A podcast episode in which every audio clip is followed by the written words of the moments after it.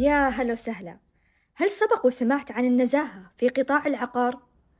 أو ما هي أهمية النزاهة في قطاع العقار؟ كل هذا سنتحدث عنه اليوم في بودكاست استقامة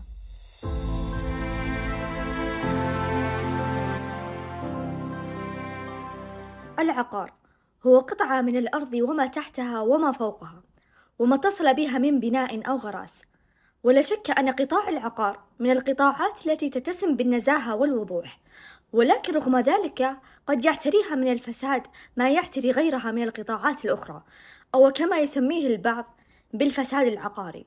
وهناك العديد من المخالفات التي تدخل تحت مسمى الفساد العقاري ونذكر منها على سبيل المثال أولا تقديم معلومات غير صحيحة للحصول على ترخيص لممارسة نشاط الوساطة العقارية أو الخدمات العقارية والعقوبة المقررة لها تختلف باختلاف التصنيف وتبدأ الغرامة من ألفين ريال إلى أربعون ألف ريال. ثانيا ممارسة نشاط الوساطة العقارية أو الخدمات العقارية بعد انتهاء الترخيص. أيضا تختلف عقوبتها باختلاف تصنيفها وتبدأ الغرامة من 200 ريال وقد تصل إلى 4000 ريال. ثالثا تقديم معلومات مضللة أو إخفاء معلومات جوهرية في شأن العقار محل الوساطة أو الخدمة العقارية. والعقوبة المقررة لها تبدأ من 2000 ريال إلى 40 ألف ريال.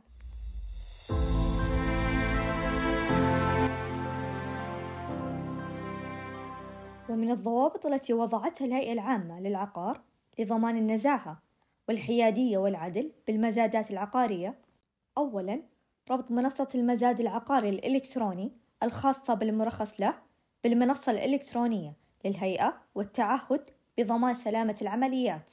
ثانياً على المرخص له تضمين عقد الوساطة لتقديم خدمات المزادات العقارية وتاريخ إقامة المزاد ومدته والحد الأدنى لقيمة الترسية والدخول في المزايدة. على أن لا يتجاوز المبلغ نسبة خمسة بالمئة من القيمة التقديرية للعقار. بناء على تقييم من مقيم معتمد وتحديد نوع المبلغ والمدة الزمنية المحددة للترسية على السعر الأعلى بعد المزايدة وإمكانية تمديدها لمدة مماثلة مرة واحدة. كما ألزمت الهيئة العامة للعقار المرخص له ضرورة التحلي بالنزاهة والإخلاص والتعامل بحياد وعدل وعدم التأثير على المنافسة العادلة بأي شكل من الأشكال.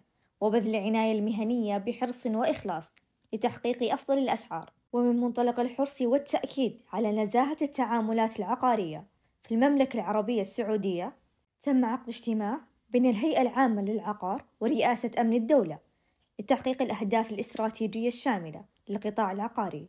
وكذلك خطة تطبيق الأنظمة والضوابط والمعايير التي تصدرها الهيئة لحوكمة القطاع للتأكد من نزاهة وعدالة التعاملات العقارية ومعالجة المساهمات العقارية وسرعة تصفيتها وإعادة الحقوق لأصحابها.